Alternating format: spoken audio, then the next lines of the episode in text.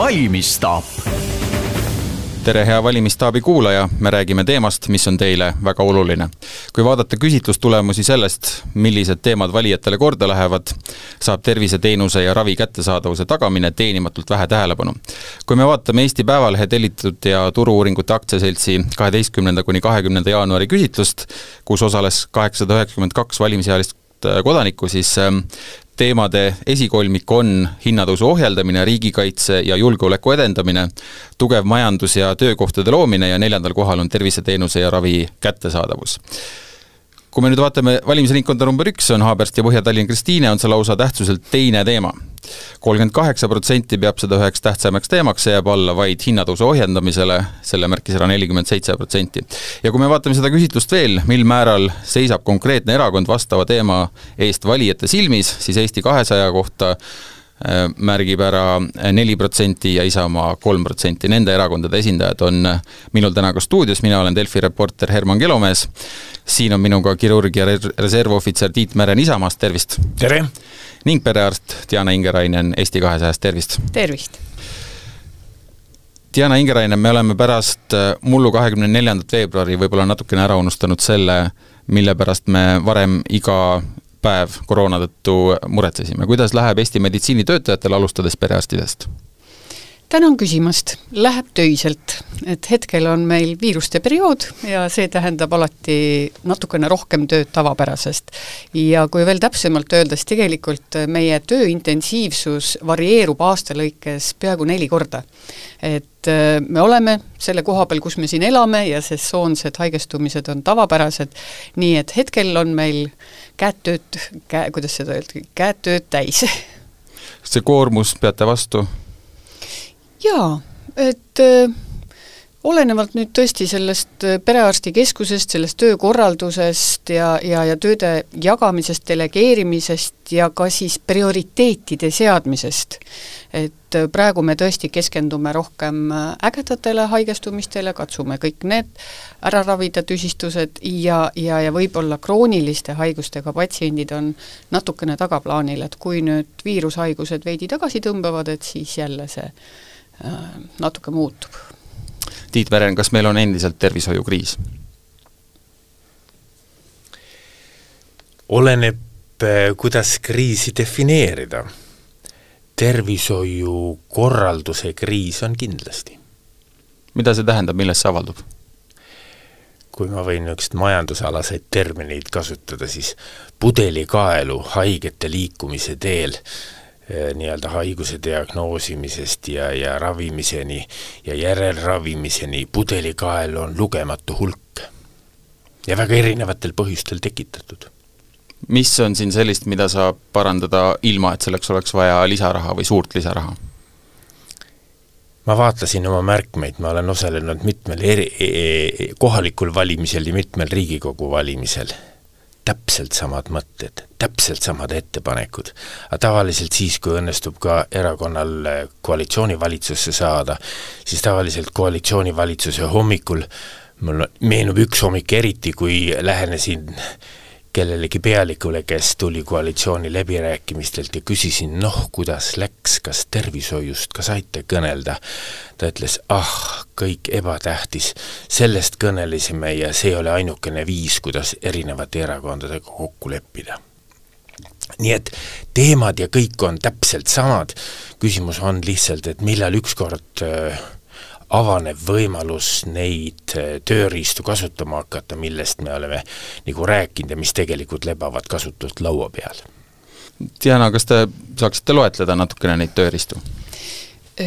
kohe saab teha väga palju korralduslikke muudatusi, näiteks kui ma hakkan pihta äh, perearsti töölaua pealt, siis äh, töövõimetuslehed kuni seitse päeva, nende menetlemine saaks rahulikult ära tõsta.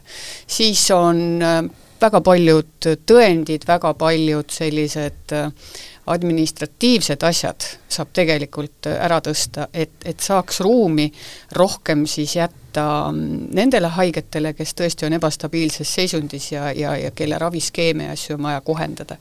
ja tegelikult mul, mul tuleb ka ikkagi üsna déjà vu peale, et kui ma olin Eesti Perearstide Seltsi juht siis Valges saalis Riigikogus oli jälle tervishoiukriis, ma arvan, et see oli kas kaks tuhat üksteist või Riigikontroll oli jälle välja tulnud ühe analüüsiga ja me rääkisime neid täpselt neid samu asju, et, et äh, meie tervishoiuvõrgustik on välja arendatud no ütleme, ikkagi üle kahekümne aasta tagasi. ja selle ajaga on toimunud nii palju muutusi.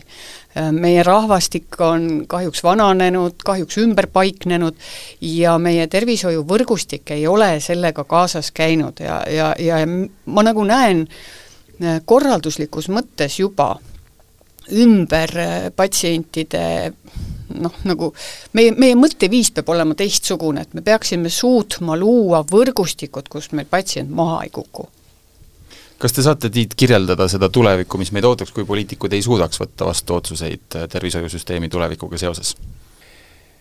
ma siis alustan selle kommentaariga niiviisi, et poliitikud ikka Toompeal kutsuvad nelja silma vestlusele, kuna me mõlemad Ingridiga tegelikult ju osaleme, tema perearstina, mina kirurgina, igapäevases meditsiinitöös ja selles mõttes näeme neid pudelikaelu ja kõike muid, et poliitikud ikka kutsuvad ju, Toompeale ja ütlevad nelja silma vestluses, et kuule, avameelses jutus, et mis on need pudelikaelad ja mis peaks tegema siis äh, mina olen ikka öelnud, et vaadake, et ega meie suhtume poliitika tegijatesse ka austusega.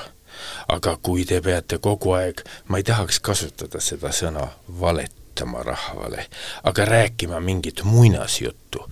palju lihtsam oleks siis, kui me kasutaksime neid tööriistu, mis meil laual vedelevad, ja, ja siis saaks nagu asjad paremaks teha, aga sellest on ju räägitud, kaks tuhat kolmkümmend viis, üheksasada miljonit miinust Haigekassas või Tervisekassas praeguse nimega kuidas siis poliitikud hakkavad avalikkusega suhtlema ja ütlema, et vaadake, et ennem olid järjekorrad, aga nüüd on niiviisi, et nüüd meil ei tule üleüldse välja, nüüd peame tõsiselt piirama.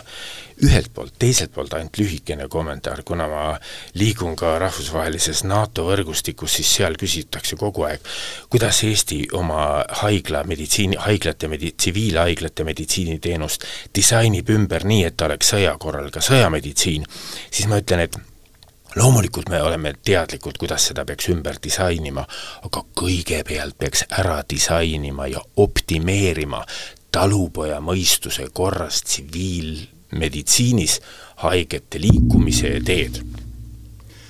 Minuga võttis hiljuti ühendust üks Sloveenia ajakirjanik, seal nimelt kavandatakse tervishoiureformi ja seal tuuakse Eesti siis sellise positiivse näitena esile, et teeme nii, nagu Eestis ja kuulates neid meie tervishoiudebatte, võib tekkida küsimus, et miks ometi see nii on, et kas meil on tõesti nii hea tervishoiusüsteem või, või saab öelda lihtsalt, et ta on hea võrreldes selle meie elatustasemega, vaesusega ja nii edasi? ma arvan jah, et, et tegelikult siin aetakse nagu võrreldakse asju võib-olla, mis ei ole võr-, võrreldavad. et ma toon ühe näite, et, et võrreldi ka täitsa tavalisi samasuguseid juhtumeid, kui üks perearst bronhiidi diagnoosib ja ravib Eestis ja kuidas see toimub siis nagu Saksamaal. kvaliteet on täpselt sama, Saksamaal on see asi kaheksa korda kallim ja, ja tegelikult tuuaksegi Eestit alati kui väga efektiivset, et millise väikse rahaga on võimalik kui palju asju teha. aga see on alati millegi arvelt, et, et neid asju ei saa päris võrrelda. kõik äh, eksperdid on öelnud, et oli väga hea mõte teha perearstireform, ja selles me oleme ise ka veendunud, et see niimoodi oli, oli siis aeg minna sellega ka edasi, et, et me oleme edasi arenenud, spetsialiste on juurde tulnud, haiguste diagnoosimise võimekus on paranenud ja ka nende ravi, aga see nõuab natuke kitsamat spetsialiseerumist. noh, näiteks, et perearsti meeskonnas oleks üks õde, kes rohkem valdaks kopsuteemasid. või perearsti meeskonnas oleks üks õde, kes rohkem valdab haavandite teemasid. ja, ja, ja sellest tuli ka siis see ettepanek, et laiendada perearsti meeskonda ja et meil tuleksid siis esmatasandi tervisekeskused, kus see meeskond saaks siis tegutseda. kahjuks on see kõik jäänud natukene hiljaks ja, ja, ja kahjuks on väga paljuski noh, ütleme just selle tööjõupuuduse või selle vahepealse õdede koolituse tellimused, arstide koolituse tellimused, sellega väga palju aega maha magatud, et sealt on tekkinud praegu tõsine tööjõu nagu defitsiit, et, et nüüd, nüüd on nagu keerulisem seda teha. aga samas noh, Sloveenia poolt saab ka saame ka meie võtta eeskuju, et neil on väga vahvasti seotud kogukonnateenused ja esmatasandi tervishoiuteenused. et need inimesed, kui nad aktiivset ravi ei vaja, et nad näiteks noh, nad ei jää ripakile. et ütleme, et kui see depressioon on oma aktiivses öö, vormis nat-, nat-, natuke paremaks saadud, et siis ta ei kukuks tagasi, siis antakse see inimene näiteks kogemusnõustajatele üle Tiit Meren, kuidas me teeme niimoodi, et Diana Ingeraineni juurest Tiit Merenini jõuab patsient kiiremini, kiiremini perearsti juurest erialaarsti juurde? tegelikult äh, ma kõigepealt vastan niimoodi, et kui Soome Televisioon intervjueeris mind ja ütles niiviisi, et nad tulid siia tegema saadet, et kuidas väikevenna juures asjad on nagu veel algjärgus, siis nad olid tõeliselt positiivses mõttes šokeeritud sellest, et meie haiglad näevad nii uhked välja. Ja kaugelt vaadates kõik on nagu noh, viimase peal. Tegelikult ega Eestis on kasutusel haigete liigutamiseks väga erinevaid mooduseid kui ma sageli räägin mõne analüütikuga, siis nad ütlevad sageli niiviisi, et no no vot, täpselt nii, nagu teie seal Haigekassa ja haigetega suhtlete, selles mõttes, et äh, ega praegu ma julgeksin öelda, et Diana Ingeraineni või kelle iganes tervisekeskuse juurest liigub meie juurde taastava kirurgia kliinikusse haige väga lihtsalt. keset ööd võib-olla näiteks Ida-Virust või, või Narvast või, või Paidest, EMO-st telefonikõne, kuule, meil on selline haige, kas sa vaataksid äh, arvuti kaudu, pildipanga kaudu, interneti kaudu need haigepildid, kompuutripildid ära, ütle, kas saadame kohe, kas saadame homme või jääb hoopis meile ravile. nii et selles mõttes tegelikult kiirdiagnoosimise tee keset tööd, voodis magamise, voodist tõustes toimib ja et, et äh, seepärast veel kord me kasutame üsna erinevaid majandamise, äramajandamise vorme. taastava kirurgia kliinik on erakliinik, kes patsientidelt raha selles mõttes ei võta, et, et üldiselt need arved on nii suured, et seda saab ainult Haigekassa jõuab maksta. ja aga et me oleme seda korraldanud väga erineval moel, nii et kui hakatakse täna rääkima, et teeme e-konsultatsiooni, see toimub meil juba aastaid ja mitte ainult e, vaid lausa telefoniga. ole nii kena, helistan kümne minuti pärast tagasi, kui sa oled pildid ära vaadanud keset tööd, anna mulle tagasisidet. kuidas te enda otsast näete seda? Mm, ma näen ka, et meil on, tegelikult seesama e-konsultatsioonisüsteem toimib juba kolmekümne kahe erialaga ja, ja, ja ta on täiesti, ma ütleksin niimoodi, parandanud seda patsiendi logistikat, et me saadame andmed ette, teise külje pealt muidugi ta, ta on toonud ka perearstidele võib-olla töökoormust juurde, et me peame seda patsienti väga põhjalikult ennem uurima, et saaks esitada selle mõtestatud küsimuse siis kolleegile, et, et mille osas me seda eh, konsultatsiooni nii nagu vajan. Soomes, tegelikult ja. nii nagu Soomes me ja. kuuleme, Eesti arstid ütlevad Aga ette tuleb valmistada haige nii korralikult, et ja. kui sa tõesti hakkad siis mingi häda pärast suurde haiglasse saatma, siis selle saatmise dokumentide alusel on selge, miks häda ikkagi käes on. just, et haigla annab sellele prioriteetsuse, Tiit ütleb mulle, et kuidas selle asjaga siis on. aga nüüd äh, kui me paneme need töömahud, mi-, mis sellega kaasnevad, siis on selge, et kui ma valmistan ette ühte e-konsultatsiooni, siis see võtab mahuliselt rohkem aega. aga siis me peaksimegi ära näitama, et mille arvelt. aga noh, Eesti, Eesti probleem on see, et meil on see kvaliteet väga ebaühtlane. ja on paraku perearste, kes seda e-konsultatsiooni ei tee ega kasuta, mis on väga kurb. sellepärast lubatagu vahele kommenteerida. tegelikult on niiviisi, et äh, et mul läks, aga ma ei, ei tule praegu kommentaariga vahele. aga Eesti kakssada, ma loen teie programmist, et te tahate, et perearsti nimistus oleks edaspidi tuhat kuussada, mitte kaks tuhat patsienti, kuidas see tehtav on? See nüüd tuleneb hea tahte kokkuleppest, mis on tehtud juba kaks tuhat kaheksateist Eesti Perearstide Seltsi ja siis Sotsiaalministeeriumi vahel. ja just nimelt, et kui me paneme perearstile need kohustused raskemaid haigeid pidada, noh, me ausalt öeldes, meie kõrvalt on väga palju spetsialiste kokku tõmmatud, nagu eriarstiabi. ja, ja see tähendabki seda, et sul läheb lihtsalt rohkem aega, et, et need raviskeemid korras hoida ja et need inimesed, kõik need ennetused ja asjad ära teha, siis mahulises mõttes see tuhat kuussada on selline arv, et sa suudad oma tööd kvaliteetselt teha. nüüd, et, et kuidas see nagu võimalik on, ma arvan, et praeguses situatsioonis tegelikult siin mõned aastad tuleb täiesti kriis, kus ei olegi võimalik, et me teame ju kõik, et et meil on päris palju perearste, kes on pensionieas ja paratamatult äh, siin kakssada kuni, kuni kakssada viiskümmend perearsti paneb ameti maha viie kuni kümne aasta vaates. ja, ja tõenäoliselt selleks ajaks tuleb teha suhteliselt niisugune sõjaväeline või, või kriisikord, et, et kuidas saaksid patsiendid ära ravitud. aga me peame kogu aeg vaatama pikemasse tulevikku, et kui me praegu ei hakka disainima nagu kümne aasta vaadet, siis seda ei juhtu kohe kindlasti. aga, aga kümne aasta vaate peale mina küll öö, täiesti usun, et see on tehtav, meil on väga lahedad noored arstid, kes tegelikult tahavad perearstiks saada, kes tahavad seda tööd teha jah, nad on teiste tingimustega nõus, nad ei ole võib-olla selliste koormustega, selliste mahtudega, selliste vastutustega enam nõus, mis meie olime kümme aastat tagasi. aga, aga elu läheb edasi ja, ja, ja ma arvan, et, et, et see see on tehtav ja tuhat kuussada oleks tõesti selline äh, arv nimistus, et sa suudad kvaliteetselt oma töösse panustada. enne ma jäin kommentaariga selles mõttes jänni, ma mõtlesin, et ma ei hakka detaili kommenteerima, aga nüüd Diana jutu peale on hea öelda, tegelikult meie ka näiteks Isamaagi vaates, meile tundub, et haige teekonda peakski algusest lõpuni perearst juhtima. Ja kui Diana ütleb, et kas peaks need nimistute arvu vähendama, et töömaht on suur ja muidu ei jõua, tegelikult peaks dramaatiliselt suurendama seda abiväge, mis perearstikeskuses on. Igasuguseid abimehi ja, ja nõustajaid, et tõesti see töö, kogu see eelnev filtritöö jõutakse ära teha perearstikeskuses, siis hakkavad ära langema ka need to tohutud pudelikaelad EMO uste ees, kus kuus tundi kiirabi ootab haigega ja ei pääse sisse kas see diskussioon, mis meil ühiskonnas EMO-dega seoses on, et ärge jumala eest liiga tühise, liiga tühise asjaga jutumärkides sinna pöörduge, inimene võib seda ju erinevalt mõista, on see nagu eluterve?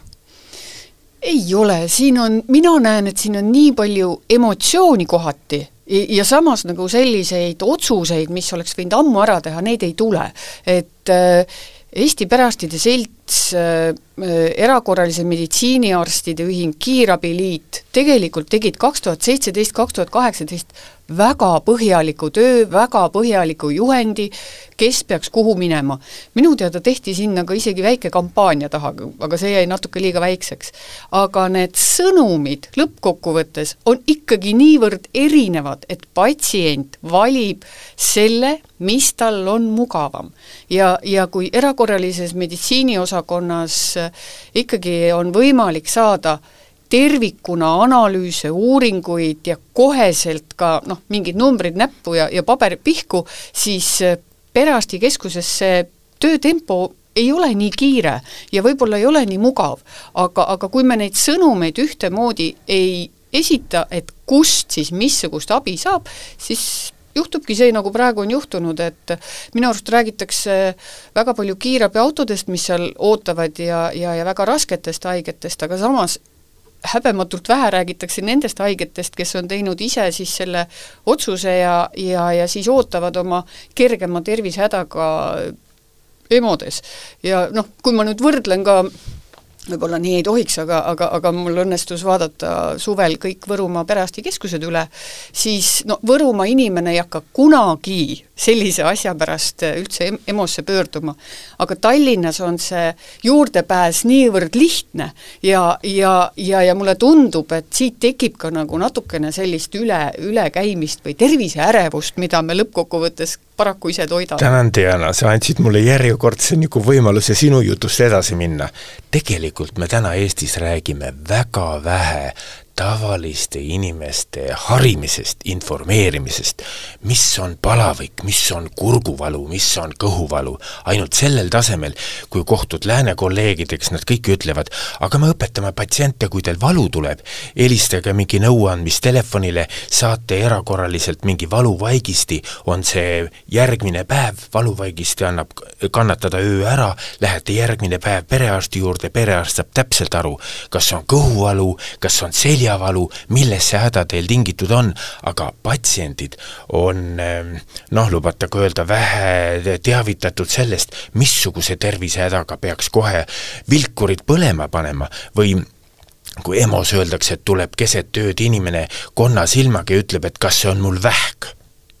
Noh, siis see on see, et ja seda noored arstid ütlevad, et kohtudes, kohtudes ka koolides, koolilastega, rääkides meditsiinist, nad saavad aru, et juba koolist peaks hakkama see teavitustöö, millal ma pean kiirelt arsti poole pöörduma, millal on aega, millal on nii-öelda kõnetelefoni kaudu võimalik võtta soovitusi, nii et kui arstid võivad ja meditsiin ja teenusepakkujad võivad tiritammi teha, aga kui patsiendid ei ole teadlikud või on ka lihtsalt nõndavõrd öö, upsakad ja, ja pretensioonikad endale aru andmata, et seda kell öösel kell kolm konnasilma ei tule EMO-sse näitama minna ja ei tule küsida, et kas see on äkki vähk. jah, ja mis teeb ka nukraks, et kuidagi inimesed ei, ei usalda õdesid.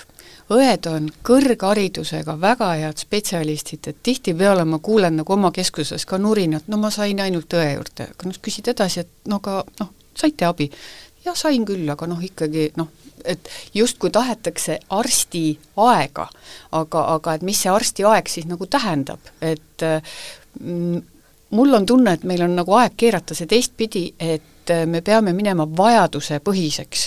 et, et tõe, tõepoolest õde on see, kes suudab ära kaardistada need tervisevajadused ja sealt hakkab see juba, juba pihta, et mis hetkel on arsti vaja, mis hetkel on perearstil eriarsti juurde vaja. et et äh, ma ise usun, äh, ma olen nüüd teinud Maailmapanga ja, ja Tervisekassaga riskipatsiendi projekti, kus me siis äh, läbi riski määratluse, et mis on need terviseriskid, mida sealt annab maandada, oleme koostanud siis sellise personaalse terviseplaani, mille abil siis patsient saab ise ka vaadata, et mis, mis on need mõõdikud ja, ja, ja mida sealt teha. et võib-olla, kui seesama terviseplaan teha juba koolis, esimeses klassis ja niimoodi järjest, et, et ta läheb noh, nende sõnadega loomulikult, millest laps aru saab, aga lähebki järjest keerulisemaks kogu see hammaste teema, kogu see pesemine, liikumine, toitumine, et, et kõik see on omavahel väga-väga seotud. aitäh, Diana, me selles mõttes nagu logistilises ahelas räägime, tema perearsti värki, mina näen eriarsti poole pealt, et selles mõttes, et tõesti, seda, seda abiväge, mida perearstil oleks lisaks vaja, et ta saaks, nagu Diana ütleb, et oi, ma ennem kui ma siis eriarstile või haiglasse või EMO-sse saadan, ma pean nii palju aega kulutama ja nii palju lisauuringuid tegema ja nii, vaat seda abi äh, aparaadiabi, äh, eriarst, noh isegi lausa võib-olla teatud mõttes eriarstide, erinõunike abi, sotsiaaltöötajate abi, seda on kõike perearstidel vaja selleks, et võtta jälle maha see koormus emodelt ja selleks,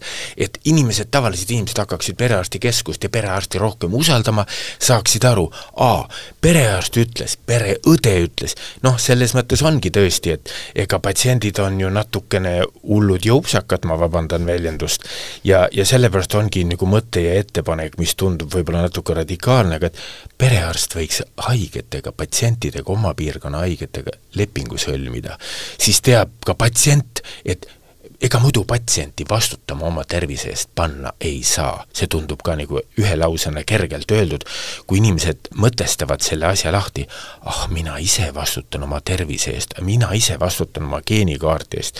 geenikaardiga on tore vehkida küll, see on täna teaduslik indus-, instrument, geenikaardi alusel mingit ravi muuta veel tänasel päeval siiski ei, nii palju teadmisi ei ole ja ei saa.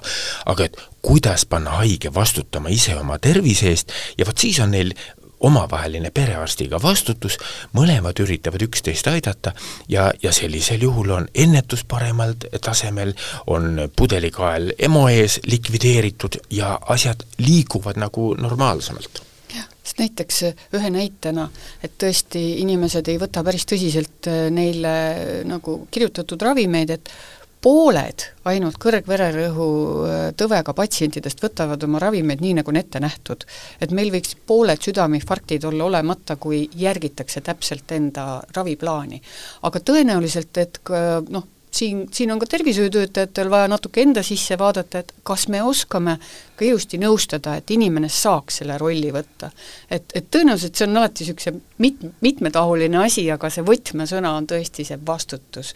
et, et äh, iga tervishoiutöötaja peaks vastutama enda tegemise, enda sõnade ja, ja patsient siis enda tegemiste eest ja et see kontekst jookseks kogu aeg kaasa. minu unistus on see, et ma olen arst, siis mul on kolm sekundit ja on patsient selge, et äh, meil õnneks on juba selline andmevaatur äh, päris heal tasemel, aga, aga noh, kindlasti seal on veel ja ma ütleks siis selle peale lihtsalt niiviisi, et kui lubatakse kõigile tervisekindlustust ja öeldakse, et laiendame oma teie terviseteenuse pakkumise ampluaad, siis need on täiesti arust lagedad pakkumised ja ei tekita mingit motivatsiooni patsientidel oma asjade eest vastutada nii läkski kakskümmend viis minutit linnutiivul, Delfi valimisstaabis olid kirurg ja reservohvitser Tiit Mären Isamaast ja perearst Diana Ingerainen Eesti kahesajast, mina olen Delfi reporter Herman Kelomees, kõik meie saated on kuulatavad Delfi taskus, Spotify's ja Apple Podcasts keskkonnas. järgmise korrani!